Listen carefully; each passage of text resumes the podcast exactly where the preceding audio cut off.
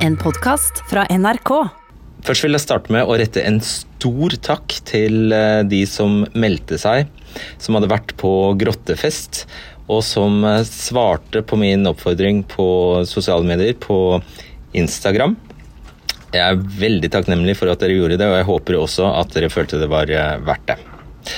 Det du skal få se, er altså for første gang eh, noen festdeltakere på denne grottefesten snakke og forklare hvorfor eh, de dro dit, og hvordan eh, det var, og hva de tenker i ettertid, ettersom det utviklet seg til en ganske så katastrofal affære. Og det tror jeg er interessant for noen, noen hver, for det er en påminnelse om hvordan det er å være ung, ikke minst. Og så får du en påfølgende debatt om dette virkemidlet som eh, myndighetene har iverksatt, nemlig å stenge utestedene ved midnatt. Du hører Hazar og Andreas og de vi har valgt å kalle Emilie og Lise, alle fire Nei, det stemmer ikke helt. Tre av dem var på festen. Andreas var der ikke. Så hører du Bent Høie, Espen Rossrup Nakstad, Espen Andreas Hasle fra KrF, Raymond Johansen, byrådsleder, Runar Skjerven Eggesvik, utelivsgründer fra Oslo, Roger Valhammer, byrådsleder i Bergen, Åshild Brun Gundersen, stortingsrepresentant for Frp, Per Sandberg, som nå er blitt pubeier, og Marianne Kalleberg, som er daglig leder ved Madame Reiersen i Arendal. Hva sier de selv, de som var på grottefesten? Følg med, så får du møte dem.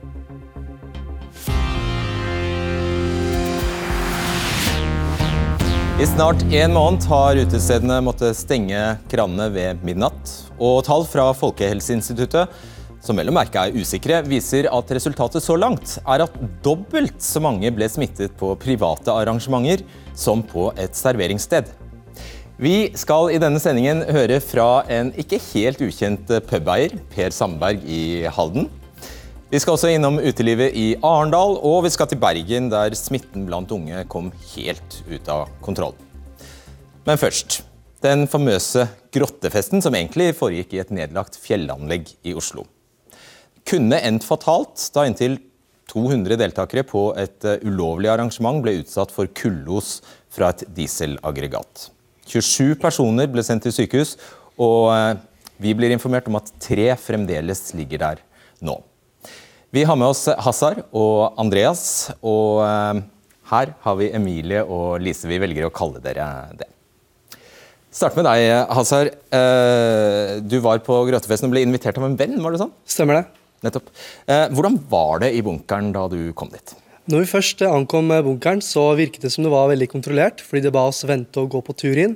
Og når vi først kom inn til uh, inngangen, så var det gjennom en smal inngang. Og når vi først kom inn der òg, så var det også da lys og glow lights, og det var en lang tunnel også. Så var det flere rom også. Og når vi kom helt til enden, så var det også en, et stort rom der hvor det var anlegg og musikk. da. Mm. Hvor mange var det der da? Det var en 30-40-50 stykker, kanskje. Og Hvor stort vil du si at det, tro at det rommet var? Selve der hvor anlegget var, var det vel kanskje en 60-70 kvadrat. Så var det vel så flere rom, da. Nettopp. Var det høyt eller lavt under taket? Det virka veldig høyt. Nettopp. Og hvordan var luften? Luften var uh, som så. Det var, det var mange mennesker på et, på et, sted, og det var jo ikke vinduer og sånn, så jeg tok meg noen pauser faktisk for å få litt luft. Skal være helt ærlig. åpnet opp døren og Nei, jeg gikk, ikke bort til inngangen, da. Ok, nettopp. Emilie, var det vanskelig å komme seg inn? Jeg syns ikke det var vanskelig å komme seg inn. Nei, Det var bygd en trapp som vi gikk ned. Så det var god plass å komme seg inn. Én gang ganger én meter eller noe sånt? Stemmer det? Ja, det stemmer. Ja. Eh, hva tenkte du idet du gikk inn i denne, det som har blitt kalt en grotte? Jeg tenkte at dette var litt spennende. Eh, litt morsomt. Og så tenkte jeg også at det virket ganske profesjonelt med skilt, og at det var lyst opp med sånn glow six langs veggene, så man visste hvor man skulle gå hen. da. Mm. Ja, for Lise, Nå sier jo alle at det er jo åpenbart at en unnskyld uttrykket, enhver idiot skjønner at det skal man ikke gjøre. Men det sto liksom ikke et skilt med 'ulovlig fest'? Nei, som sagt, jeg ble jo invitert på Facebook. Eh, mange av mine venner var også invitert. Det så helt ærlig veldig kult ut. Eh, når jeg kom dit, så eh, så det jo ut som det var arrangert av profesjonelle. For å være ærlig, jeg reagerte ikke på noe, verken tilstand til inngangen eller men nå er jeg kanskje mindre enn noen av de andre som gikk inn. da, Men helt ærlig, det så veldig ordentlig ut, og jeg reagerte ikke på noe. Nettopp. Hazar, hvordan var det med drikkevarer og andre greier? Eh, Kjøpte man det der, eller måtte man eh, ha med medbrakt? Jeg hadde ikke medbrakt noe med noen eh, drikke, med noe drikke i hvert fall. Eh, og jeg så ikke noe som, Du kunne ikke kjøpe noe der heller, så det var vel medbrakt som var tingen. da. Nettopp. Når forsto du at dette var en dårlig idé? Ja, som sagt så virket det kontrollert i starten, og det var jo gjennom eh, Altså det var kun private som kunne komme gjennom der. Og eh, vi så jo også at det kom veldig mange inn, eh, flere og flere. Og så så vi også at det var veldig mange mennesker som ikke var invitert, da. Så jeg gikk jo bort til Jeg skjønte at det var veldig mange mennesker der. Så gikk jeg bort til han som passet på døren og sa at det var veldig kaotisk nå. Så så jeg også i køen at det var veldig mange utenfor også. Så da valgte jeg å eh, dra med mine to venninner. Så sa jeg også til ifra i køen at det var eh, veldig kaotisk inne, så dere burde ikke gå inn. da. Eh, Hva svarte han som sto i døra? da? Han sa at han hadde ikke kontroll på hvem som var inviterte og hvem som var ikke inviterte. da. Så kommer vi til denne helt, nesten helt skjebnesvangre hendelsen, der aggregatet det er også låst inne i et eget rom. og Da skjønte jeg at den døra hadde blitt forsøkt plombert igjen, nærmest.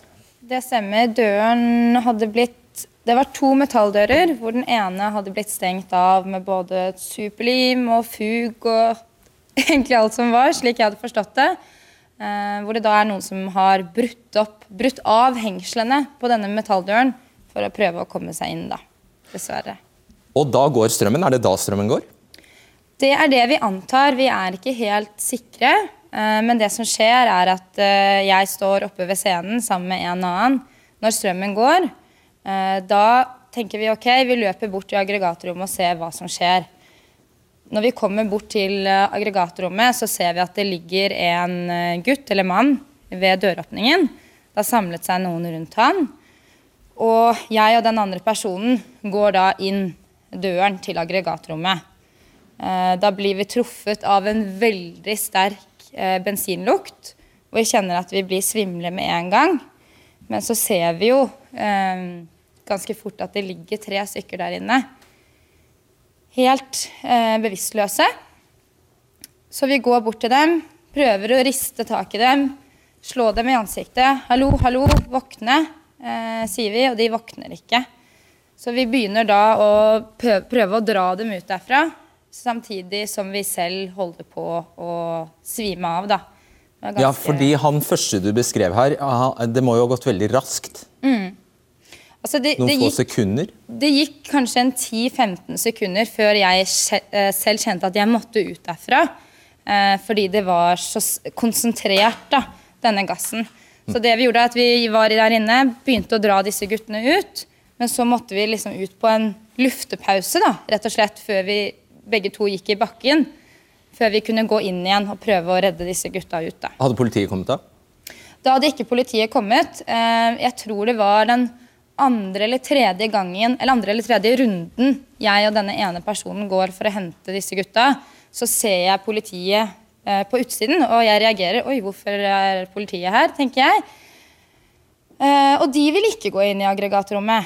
Eh, For vi sier at vi trenger hjelp, og da sier de nei, nei, jeg kan ikke gå inn der, sier de da. De, vil, de nektet å gå inn for De å til og med. De ville ikke engang undersøke om det lå noen der. Nei, for det var jo det vi da sa. Vi sa dere må jo se om det er noen flere der inne. Og det sa de nei, nei, det ville de ikke. Ok, Skal legge til Politiet etterforsker saken, og de er altså ikke her. Ok, Hvordan gikk evakueringen, da? Jeg syns evakueringen gikk eh, overraskende bra til at alle var berusede og, og unge i mørket i en fjellgrotte. Eh, alle var veldig flinke til å ta vare på hverandre. Folk ble kastet over skuldre, hjulpet med å bære eh, altså ut gjennom denne luken. Når folk kom til utsiden, så ble de lagt i stabilt sideleie av sine venner og kjente. Og jeg må egentlig si at jeg ble ganske rørt av å se hvordan folk klarte å hjelpe hverandre. da. Da, Andreas, du var ikke på festen, men hvis, eh, om du hadde hatt anledningen, ville du ha gått? Eh, nei. Hvorfor ikke? Jeg prøver helst å avstå fra ulovlige private fester, også med tanke på at det er korona per nå, og følge de smittevernreglene som har eh, blitt satt av regjeringen. Altså, Hvis utestedene ikke hadde stengt ved midnatt, hadde du vært på den festen da, tror du? Det hadde jeg ikke vært. Jeg hadde vært på eh, utestedet, og eh, etter tolv så bruker man jo den festen som en substitutt. da. Hva med dere andre? Jeg hadde trolig vært på byen eller på en annen hjemmefest. Og du, da? Jeg tror også jeg ville vært på byen eller et annet lovlig arrangement. Og jeg må bare si at Selv om eh, seerne ikke ser dere eh, klart eh, nå, så ser ikke dere ut som typisk ravere. Nei. Eh, For dem som eh, vet hva det er. Ja. Eh, Hvem var på den festen? Var det, Alle jeg kjenner, var på den festen. Alle vi kjenner. Alle jeg kjenner, Det er derfor jeg ikke reagerte på at det var noe ulovlig arrangement. For at, ja. Og så tar vi en kjapp runde. Hva, er, hva mener du skulle til for å Eller nå, hvilken sammenheng er det at, mellom at utestedene stenger og det, som skjer, det vi snakker om nå? Nei, altså, Per nå så er jo stengetiden klokken tolv. Og det som skjer da, er jo at berusede unge mennesker blir sluppet uh, ut på gaten uh, og må da finne på noe annet å gjøre. Og I en sånn type tilstand så er det jo ofte at man gjør ting som man vanligvis ikke hadde gjort. Da Og eh, da er det jo da slik som har skjedd nå natt til søndag, at man drar på f.eks. et farlig arrangement der hvor man får Og kullosforgiftning. så vet dere alle at uh, dette virker bare, kan virke totalt egoistisk og uh, fryktelig usolidarisk. Selvfølgelig. Det går Vi prøvde overjorda i fadderuka. Mm. s- Det gikk ikke bra, så jeg reagerer på at det ikke ble gjort endring allerede da. At det måtte noe så alvorlig, og folk ligger på sykehus over der. Det må jeg si meg veldig enig i. Altså, under fadderuken her i Oslo så ble det jo samlet flere tusen ungdommer i bl.a. Frognerparken. Eh, At det ikke har blitt innført noen type regulering eller restriksjoner etter dette, reagerer jeg på. At noen måtte faktisk sette helsen sin på spill. da. At det skulle til. Kan legge til at Den eh, grotten her var jo nøye planlagt også. ikke sant? Så Det, var jo, det hadde jo ikke vært sånn her hadde det vært eh, andre åpningstider på eh, utestedene også. Jeg tror akkurat samme arrangement hadde blitt arrangert over jorda, lovlig, eh, med seriøse aktører. Sikkert med vektere, med vinduer. altså Et sted hvor det ikke hadde vært helsemessig farlig. da. Men hva syns dere om at tre, altså, det ligger politibetjenter på sykehus? Det er skummelt, det skulle aldri ha skjedd. Eh, men hadde jeg det jeg visste når jeg dro på den festen på lørdag, hadde jeg visst det samme da, så hadde jeg dratt på nytt. Men det jeg vet nå, så hadde jeg selvfølgelig aldri vært der. Og jeg vil legge til at jeg dro tidlig, for jeg syntes det ble for mye folk. Men uh, hadde det vært på et utested, så hadde noen fulgt med. Men det var ingen som fulgte med. Veldig kort. Det skulle jo ikke komme så mange som kom. Det kom mange ubudne gjester, og da kom det litt ut av kontroll, da, som sikkert alle forstår. Så er det dystre bakteppet her altså at to, eh, eller to politibetjenter havnet faktisk på sykehus i et forsøk på å redde liv. Jeg sier tusen takk eh, for at dere kom. Takk skal dere ha.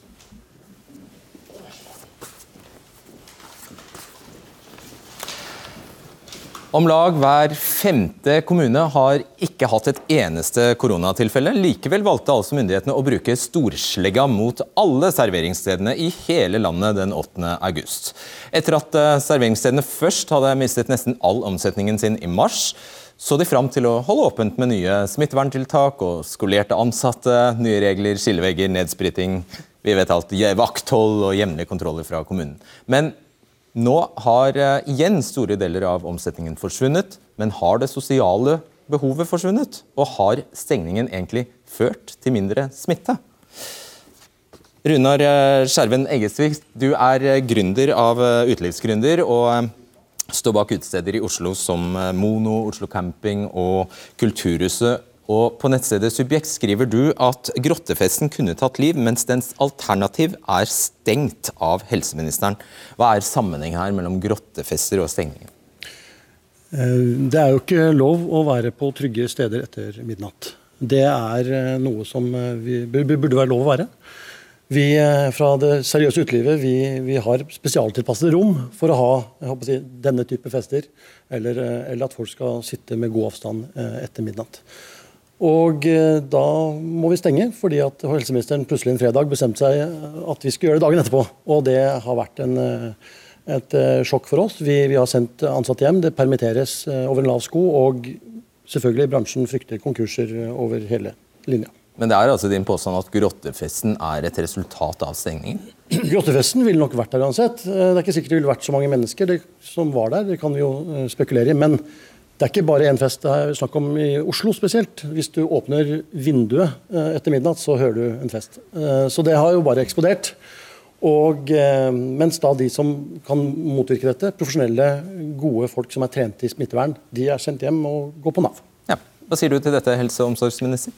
Nei, eh, han kunne ikke arrangert denne festen lovlig i Norge i dag, fordi det er ikke lovlig å danse eh, tett i tett og ha raveparty ute på utested heller. Du må sitte ned eh, med bord med én meters avstand. Så disse påstandene faller på sin egen urimelighet. og Dessuten så ble jo disse festene også arrangert i den tiden der det var lov til å ha oppe til klokka tre. Så det vet vi jo at de samme folkene hadde jo gjennomført tilsvarende fester før det.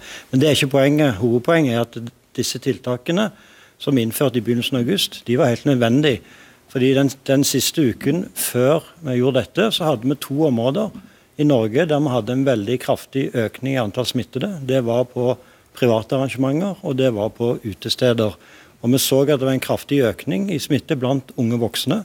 Og vi var nødt til å bremse opp for å beholde kontrollen.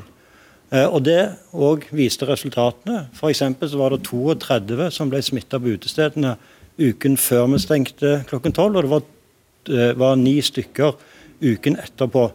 Så, eh, så, dette var et nødvendig tiltak. og Så må vi vurdere nå, når vi ser at vi kanskje har klart å beholde kontrollen, om vi skal åpne opp igjen. Men det er nettopp den type situasjon som en må dessverre være forberedt på når vi lever med en pandemi iblant oss. Ja, vi følte ikke at det var så veldig godt fundert når dette kom. Vi har jo trent, Spesielt i Oslo så har det vært et veldig godt samarbeid mellom bransje, mellom næringsstat, mellom byrådsavdeling og organisasjoner for å få til, for å gjenåpne sammen, lage regler, lage plakater uh, og jobbe med smittevern. Dette er jo ikke snakk om smittevern, det som da eh, skjedde i den bunkeren. Uh, festen har jo flytta ut i skogen. Den flytter nå inn når det blir kaldt, inn i rom som er farlige. Det har vært noen katastrofer tidligere hvor det har brent og det har folk har blitt tråkka i hjel. Altså, vi må ikke komme dit.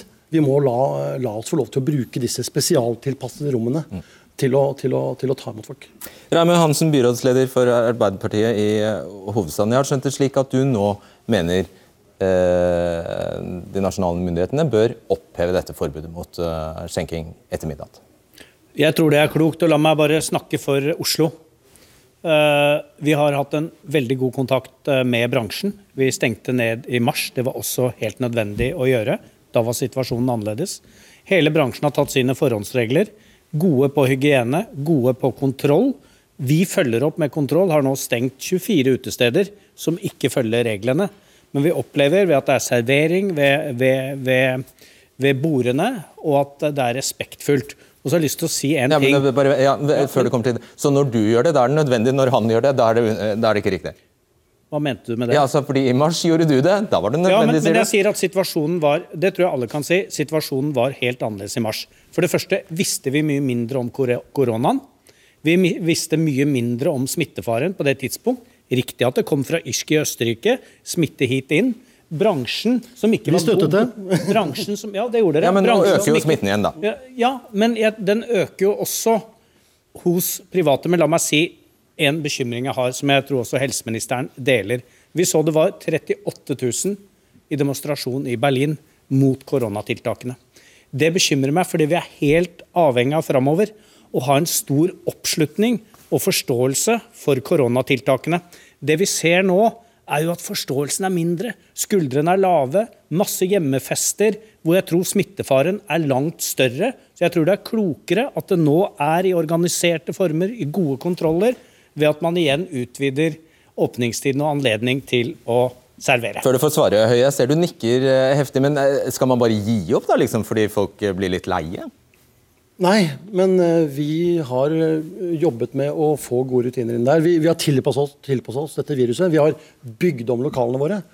Og, og bygde opp tillit til at folk tør å komme ut. Og den tilliten falt jo i grus eh, den fredagen klokken to når, eh, når helseministeren stengte eh, stedene midnatt. Dessverre. Og den må vi bygge opp igjen for å få folk tilbake. Nå er det ingen som tør å, å, å bestille julebord eller å feire bursdagsfest hos oss, fordi at vi har ikke tillit. Vi må bygge opp den tilliten sammen igjen, da. Svar kort, og så skal vi ha en og Det handler om at vi sammen kan vise at vi har kontrollen på smittespredningen. For det er det dette handler om. Eh, nå i begynnelsen av september kan vi vurdere om vi fortsatt har kontrollen på smittespredningen. og Da vil vi òg vurdere å lempe på dette tiltaket. Men du vet jo like godt som meg at hvis vi ikke hadde kommet med tiltak i begynnelsen av august, mista kontrollen, så var det din bransje som hadde blitt ramma enda hardere og måtte stått i enda tøffere tak. Og det er jo nettopp men det, Den viktigste grunnen til at vi gjorde det i begynnelsen av september, det var at ungene skulle få begynne på skolen igjen. At uh, studentene faktisk skulle få komme tilbake igjen på universitetet. Eh, For dette handler jo om hvordan skal vi holde Norge, som er et av de mest åpne landene i Europa, på tross av covid-19, fortsatt åpent. Og Da må vi gjøre en del tiltak for å beholde kontrollen. Og jeg vet at alle de tiltakene har store negative konsekvenser. Vi diskuterer jo akkurat men alternativet, dette nå, alternativet er dessverre mye verre. Ja, og så diskuterer vi akkurat dette tiltaket eh, akkurat i, i kveld. Espen Andreas Hasle, du er gruppeleder for KrF i Oslo bystyre. Hvorfor tar Raymond Johansen feil? Raymond Hansen tar feil fordi eh, dette handler om å beskytte de svakeste og mest sårbare i samfunnet vårt.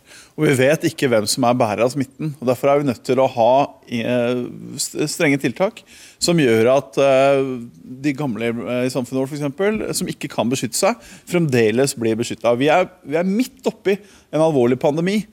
Og Vi var med Raymond Hansen når man tok ned tiltakene i mars. Men syns Oslo har åpnet opp for tidlig, og vi så hvordan det skjedde da i juni, at folk begynte å løpe ut i gatene. Vi er redd for at det samme nå skjer igjen, hvis man eh, åpner mer opp. Jeg er bekymra for pandemien. Jeg er bekymret for økningen i smitten. Men når vi ser at kanskje økningen er større i private fester rundt om i byen, så er i hvert fall det noe som jeg anbefaler helsemyndighetene å reflektere over. Dette er, dette er vanskelig. Det er ikke to streker under svaret.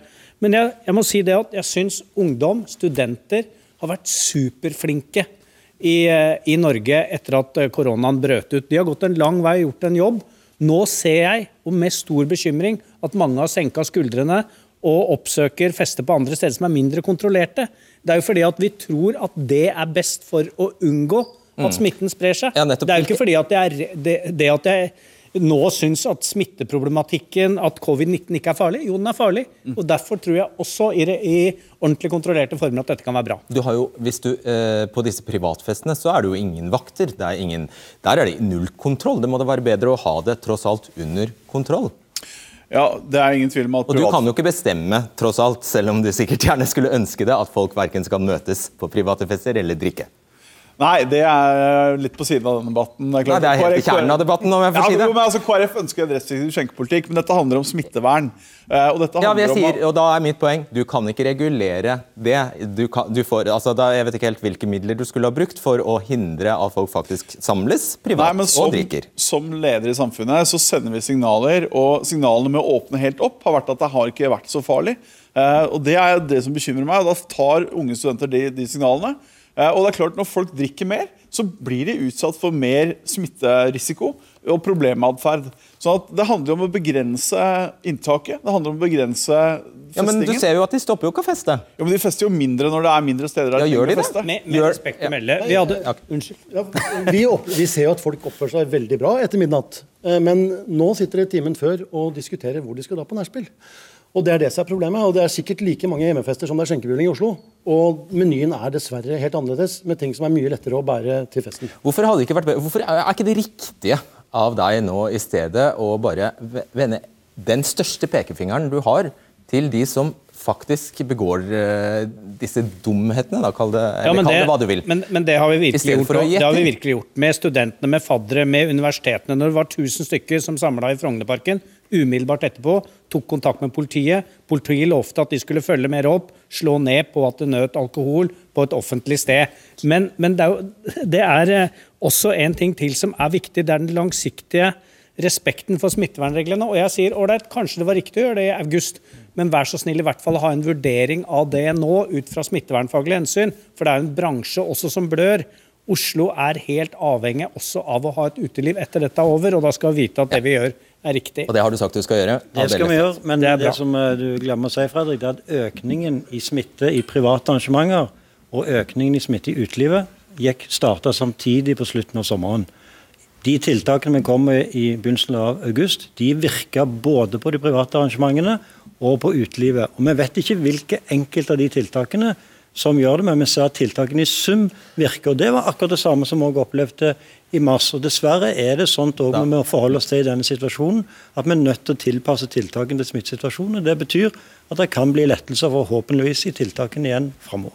Da skal jeg stenge. For, takk skal dere. Takk, bare for dere to, vel å merke. Fordi nå skal vi bevege oss eh, litt ut i landet. Vi skal til Marianne Kalleberg, som eh, driver restauranten Madame Reiersen i Arendal. Eh, dere har hatt et voldsomt trykk med norske turister i sommer, Kalberg. Og helt fram til 8. august så kunne jo du eh, ha ordinære åpningstider. Men hvordan gikk det da med smitten etter den veldig travle julimåneden? Vi var jo så heldige, og vi var jo så spente etter fellesferien hvordan det vil slå ut. Vi har jo ikke hatt noe utbrudd her i Arendal. Og vi er jo litt forundra over at eh, de valgte å og la da denne nedlukkinga etter klokka 24 gå over, utover alle. Ja, hvordan opplevdes det at uh, skjenketiden ble strammet inn på et sted der det, der det nær sagt ikke var noe smitte? Vi, har, eh, vi, vi, er jo i en, en gjennomregulert bransje, og vi har jo vektere. Vi har jo ansatte som har tatt skolering og som følger alle de henvisninger som vi får. Og og sånn er det jo i alle, alle utesteder og restauranter rundt i hele landet. Vi er gjennomregulerte, og vi mener jo det at da, da bør jo det hensynstas hvor det, skal, hvor det skal lukkes, og hvor det kan være åpent til, til de lokale lukkingstidene vi har. Mm, men det kan jo ikke ha kommet som lyn fra klar himmel at det ble innstramminger? Nei, men vi tenkte det kunne være, det kunne være litt forskjell, forskjell i det. Og bare til slutt, kan det faktisk være det at årsaken til at det er veldig få smittede på steder som Arendal, nettopp er fordi regjeringen iverksetter tiltak? Nei, vi mener det at vi er gjennomregulerte og at vi følger de, eh, de påbudene og det som vi får. Og og vi passer på. Og vi har, eh, vi har gode vektere, vi har gode ansatte. Og det vi opplever nå, det er jo det at eh, vi som bedrift vi er jo spente på framtiden. Vi er jo spente for våre ansatte som får mindre timer å jobbe. Vi har musikere som skal leve av dette her. Og det er et hardt slag for næringslivet. Da sier jeg tusen takk til deg, og så hopper vi videre til Halden. Der finner vi en ikke helt uh, ukjent eh, kar. Per Sandberg, du er nå pubeier og driver Grand bar i uh, Halden. Du var i oppstartsfasen. Eh, da koronaen eh, traff. Eh, hva skjer utenfor baren din når, når, du stenger ved midnatt? Ja, vi skulle jo åpne 1. mars, men ble stengt 2. mars. Så vi fikk endelig åpna 15. mai. Og jeg kan jo bekrefte mye av det som er sagt her, at det er brukt utrolig mye ressurser fra utelivsbransjen til å få kontroll. Og Nå skal jeg ikke snakke på vegne av alle, men vi følte jo etter hvert at vi fikk en meget god kontroll. Eh, i forhold til å ta, og forebygge i forhold til smitterisiko osv. Eh, og så må jeg liksom si til helseministeren det er en vågal påstand eh, å si nå at hadde man ikke iverksatt dette tidlig i august, så hadde det vært verre både i forhold til smitten og for utelivsbransjen. Det tror jeg gjenstår å skje. Men vi ser en helt klart endring etter at utelivsbransjen fikk kontroll gjennom å bruke ekstra mannskap, med å bygge om og tilrettelegge, eh, så fikk vi altså en god kontroll. Og Husk på det at utelivsbransjen er også kontrollert av ulike instanser. Så det her er det kontroll på kontroll på kontroll. Så har man fått dette under kontroll.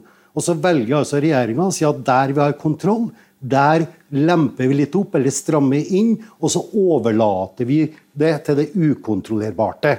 Eksempelvis denne Sandberg, du hopper jo bukk over andre eksempler. altså I en uh, annen Østfold-kommune, ja. Askim, der fikk jo flere påvist smitte etter å ha vært på utesteder. Det er ikke utenkelig at det samme kunne skjedd hos deg? Ja, det, det, er ingen, ingenting som tilsier at kildene går direkte tilbake til utelivsbransjen. I hvert fall ikke her i Hallen foreløpig.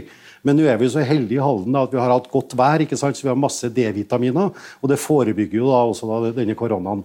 Men vi ser en helt klar tendens nå når vi stenger klokka tolv, så får vi en hardere skjenking fra 11 til 12. Vi har store flokkdannelser etter at vi har stengt utenfor eh, utestedene. Og vi ser en helt klar tendens til større private fester, enten det er ute i det fri eller privat.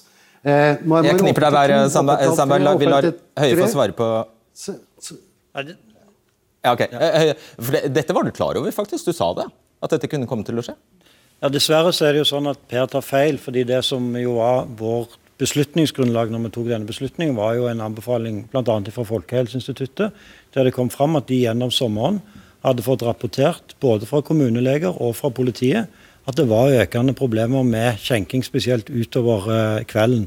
Eh, sånn at, eh, og Vi så jo da tallene som talte en veldig tydelig tale, nemlig at antall smitta på utesteder gikk fra den ene uken fra 2 til 32. Så, så, dette var et område, og når vi da i tillegg visste at uh, smitten nå økte kraftig hos de unge voksne, som er de som bruker utestedene, og de skulle nå tilbake på universitetene, høyskolene, hjem tilbake i jobb, så var dette et, på det tidspunktet et nødvendig tiltak for å være sikker på at vi beholdt kontrollen. Espen Aksa, assisterende helsedirektør. Er det din nåværende tittel? Nå, har ok, nå har du blitt assisterende helsedirektør. Gratulerer med det. Bare først, først denne, denne, et, en setning om grottefesten. fordi Tilfeldighetene vil ha det til at din do, doktorgrad gikk ut på nettopp eh, kull, eller eh, røykforgiftning, stemmer det? Det stemmer. Så, så, så, eh, hvor ille kunne det ha gått, dette her? Nei, Det kunne gått veldig ille. Sånn at uh, Det er en lærepenge for mange, tror jeg. At uh, lukket rom med dårlig ventilasjon, der bør du ikke feste uansett. Du bør egentlig ikke være der, og i hvert fall ikke kjøre aggregat der. Så det, det var en lærepenge. Jeg tror de har lært det nå. Ja. Uh, ok, så Hvor faglig fundert er denne skjenkestoppen ved midnatt? Den anbefalingen som kom fra Folkehelseinstituttet var 7.8, den støtta vi. Eh, fordi smittetallene gikk oppover, eh, og vi så at det var økt smitte også på utesteder. Mm. Og, tallene, og Det var egentlig ikke spørsmålet mitt. Jo, men, men, men, fordi det faglige ligger i tallene. Og det er klart at Vi så i august at av de smittetilfellene som kunne spores tilbake til et sted, så var det altså 10 omtrent på utesteder. Og det var riktignok dobbelt så mange på hjemmefester. Ja, Men tar du høyde for hvor mange som bor i samfunnet, hvor mange som tar T-banen og toget hver dag, så er det en veldig stor overrepresentasjon. Så det å være på fest er en veldig stor smitterisiko. Det må vi huske på. Så dere kan med faglig sikkerhet si at det å stenge utestedene ved midnatt, fra midnatt til klokka tre, har ført til så stort kvantum mindre smitte? Det kan vi ikke si, men det vi kan si at summen av disse tiltakene som ble iverksatt i august, var viktige. Og vi ser at smittetallene har gått ned i Norge, selv om vi fortsatt har en del utbrudd, som du sikkert kommer tilbake til etterpå. Eh, og, sånn at det er noe med at summen av tiltakene er viktige, signaleffekten er viktig. Og til syvende og sist dreier dette seg om å få kontroll, sånn at man faktisk kan drive serveringssteder og drive virksomheter fortsatt. Så det vi egentlig snakker Alle vil jo ha smitten ned, men det vi egentlig da snakker om er uh, hvordan tiltakene skal justeres. ikke sant? Uh, Åshild Brun Gundersen, du er stortingsrepresentant for Frp. Har jeg skjønt det rett at du mener det pågår intet mindre enn en kollektiv avstraffelse av uteliv, utelivet? Ja, det er jo akkurat det Bent Høie har gjort. Altså I sommer, i juli, så påpekte helseministeren at nå må kommunene ruste seg klar fordi smitten kommer til å øke ettersom grensa åpna opp og turistene kunne komme til Norge fra land med høyere smittetall. Allerede da var kommunene forberedt på at åpning åpningen av grensene var et av, eh, et av de viktigste argumentene for at smitten økte. Og Når tiltaket man gjør for å begrense smitte av turisme, er en kollektiv avstraffelse av utelivsbransjen, så henger det altså ikke sammen. Konsekvensen av det tiltaket alene førte altså til at festene ble flytta fra trygge omstendigheter i byene under kontroll og strenge smittevern, og over til hjemmefester hvor man ikke har kontroll. og Tallene er ganske tydelige. Der har det vært en stor og massiv økning. I tillegg så taper utelivsbransjen penger. Politiet må sløse bort masse ressurser på å håndtere husbråk og frustrerte naboer. Og dette har ingen smitteverneffekt. Så Bent Høie, hvor mange bevis trenger du egentlig for å se at dette tiltaket her slo tilbake og burde opphøre? Svar veldig kort. Ja, For det første så er det ingen av oss som har bevis på hvilken av tiltakene som virker. Men det er jo ikke sånn at vi så vekk fra reiseaktivitet. 8.3 innførte vi òg et uh, råd til den norske befolkningen om å unngå unødvendige reiser til utlandet. Eh, vi stramma inn i forhold til at flere land skulle måtte i karantene til. Vi innførte krav om eh, munnbind når en kom til Norge fra røde land. Og vi etablerte òg eh, frivillige teststasjoner ved grensen. sånn at det er jo sånn selvfølgelig at vi ser på alle risikofaktorene når vi òg vurderer innstramminger og bremsing i tiltak. Og dessverre så kunne vi f.eks. ikke åpne opp for nærkontakt på breddeidrett for voksne fordi denne utviklingen kommer. Dette er det som er konsekvensene hvis vi mister kontrollen. Hold han bitte litt, for vi skal ha med oss eh, Bergen her også, der byrådsleder Roger Valhamar er med oss, eh, representerer Arbeiderpartiet. Det har jo vært en kraftig smitte i, smitteøkning i Bergen de siste dagene. Eh, siden fredag har 98 personer tilknyttet studentmiljøet i byen fått påvist koronasmitte. 32 av dem det siste døgnet bare. Og Du mener også at dagens skjenkestopp ikke har fungert. Hvordan kan du føre bevis for det? Da er det viktig for meg å si, og det har jeg sagt hele veien, at jeg mener ikke at jeg kan verken bevise eller si at det ene fører til det andre, eller at det er en direkte sammenheng. Men det er iallfall ingen tvil om at i Bergen så har vi eh, et smitteutbrudd, og det er et klyngeutbrudd blant unge og blant studenter, eh, som eh, stiger raskt. Eh, og vi forventer ganske økte tall de neste dager nå. Eh, det testes mye nå. Eh, og det kan nesten utelukkende knytte seg til sosiale samkoster og fester. Og Da er det viktig for meg å si at det, studentene for eksempel, i vår by har vært fantastisk flinke på fadderuken og arrangementer. Utestedene, på campus osv. ser vi lite smitte, men det skjer på fest hjemme. Og Derfor har vi denne uka innført et eget tiltak retta mot unge som har vært på fest de siste ti dagene. Ja, men da, nå, okay, nå falt jeg av, for Du start, begynte jo med å si at du mener skjenkestoppen var feil, og så konkluderer du med at uh, smitten har skjedd på privatfest? Ja, og det er jo der som debatten i dag har vist, at uh, veldig mye av festingen nå skjer på privatfester. og med, I likhet med Oslo, politiet bruker veldig mye ressurser på det, vi har veldig mye bråk. Uh, og vi har veldig mange som da blir smitta på privatfest. Og Så har uh, jeg sagt, og vi har sagt fra helseministeren innført dette skjenkestoppen, og at det var ikke noe vi ville gjort. Vi ville ønske å ha hatt lokal handlefrihet. Vi vil slå ned på de useriøse og de som ikke følger smittereglene. Eh, og Derfor var vi skeptiske til det eh, tiltaket, selv om det kan ha en effekt isolert sett. Det bestrider ikke jeg, men det har iallfall noen åpenbare negative bieffekter. Og Samla sett er iallfall våre smittevernfolk lokalt tydelige på at dette er ikke positivt for smittevernet i vår by. Eh, og Det jeg har bedt helseministeren om tidligere, og vil gjenta i dag, og Nakstad og alle andre, er jo å revurdere dette eh, nå, som jeg opplever at de har sagt de skal gjøre. Fordi at eh, Det som er gjort, er gjort, men en bør i alle fall ta en ny runde nå og vurdere om dette virkelig er det rette tiltaket. Når vi ser også det store konsekvenser for næringslivet, for arbeidsplasser, for politi, for bråk, og i hvert fall i Bergen, så er, har vi et smitteutbrudd som nå skjer på hjemmefest. Er det kodeord for Eh, at du vil at de skal endre åpningstidene til tre? Eh, jeg har iallfall sagt at de gjerne kan, kan gjøre det. Eh, ja, eller ja. noe midt imellom. Innslippsstopp klokka tolv. Det er mange alternativer som ville vært mye bedre enn dette. Vi ønsker å bli tatt med på råd. Det ble vi ikke sist. Og vi tror vi har gode svar. Jeg har vært i dialog med næringen, med politiet, med smittevernkontoret, med skjenkekontoret, alle hos oss. Og vi tror vi kan gi gode innspill til bedre løsninger dersom en ønsker å ha begrensninger i utelivet og i fortsettelsen. Hva er det som skjer her, to byrådsledere som står og ivrer for, for mer skjenking? Nei, jeg bare ikke nødvendigvis det. Og vi er like bekymret for smitten. Men jeg har lyst til å si det. Vi kjenner for vårt vedkommende, vi kjenner Oslo veldig godt. Vi kjenner skjenkebransjen veldig godt. Vi har veldig nær kontakt med dem. Vi sanksjonerer dem. Vi tilrettelegger. Vær så snill og lytt til oss nå. At vi har en dialog om hva vi kan gjøre. Fordi at en hel bransje blør. Og vi er kjempebekymret for alle de private festene som er ute av kontroll. Og det er derfor lytt til de som har på en måte skoa på her, og det har vi sammen med bransjen, og vi har lokalkunnskap, og det er viktig. Jeg tror han har fått med seg den appellen. Og Nakstad, eh, eh, Politiet sier jo at eh, eh, som det ligger an nå, så har de fryktelig mye mer å, å gjøre. Er det en stemme du, er det, er det en etat eh, dere vil lytte til? Ja, Vi lytter til alle, vi, og vi kommer selvsagt til å gå gjennom dette og revurdere dette her også uh, nå i september måned. Det har vi planlagt hele tiden. Men jeg tror det er viktig å huske på her at det er en faktor som ikke er diskutert, og det er at unge mennesker Eh, særlig studenter i den aldersgruppen, de får veldig lite symptomer på koronavirus eh, og kan være smittebare knapt uten å vite det. Og De er mye på farten når semesteret starter og sommerferien er over. Eh, og Da er det ikke så rart at det dukker opp sånne klynger som i Bergen, og at det smittes i de miljøene. Og Det må vi ta hensyn til når vi gir råd. Ikke sant? Og Da må vi nå ut til ungdommen og vi må nå ut til de som er på utesteder. Og nå er det strengt regulert. Kanskje gjøre som studentene, eller ja? kanskje gjøre som de unge sa, da, i stedet for dette inngripende tiltaket å stenge ved midnatt, f.eks. For forby fadderuker? Ja. Premisset her er jo at det er de samme folka som drar på studentfester uh, som går ut på byen. Det er ikke alltid det er sikkert heller, det, det, vet ikke jeg. Men jeg tror at vi må appellere til fornuft hos alle. Og så tror jeg at vi må, må tenke smittevern i alle kjeder. Og det er også restriksjoner på privatfester. Det er maks 20 personer, du skal ha minst en meter avstand. Ja, men Det fordrer kontroll, da. Det fordrer kontroll, men fordrer, de fleste følger faktisk det rådet.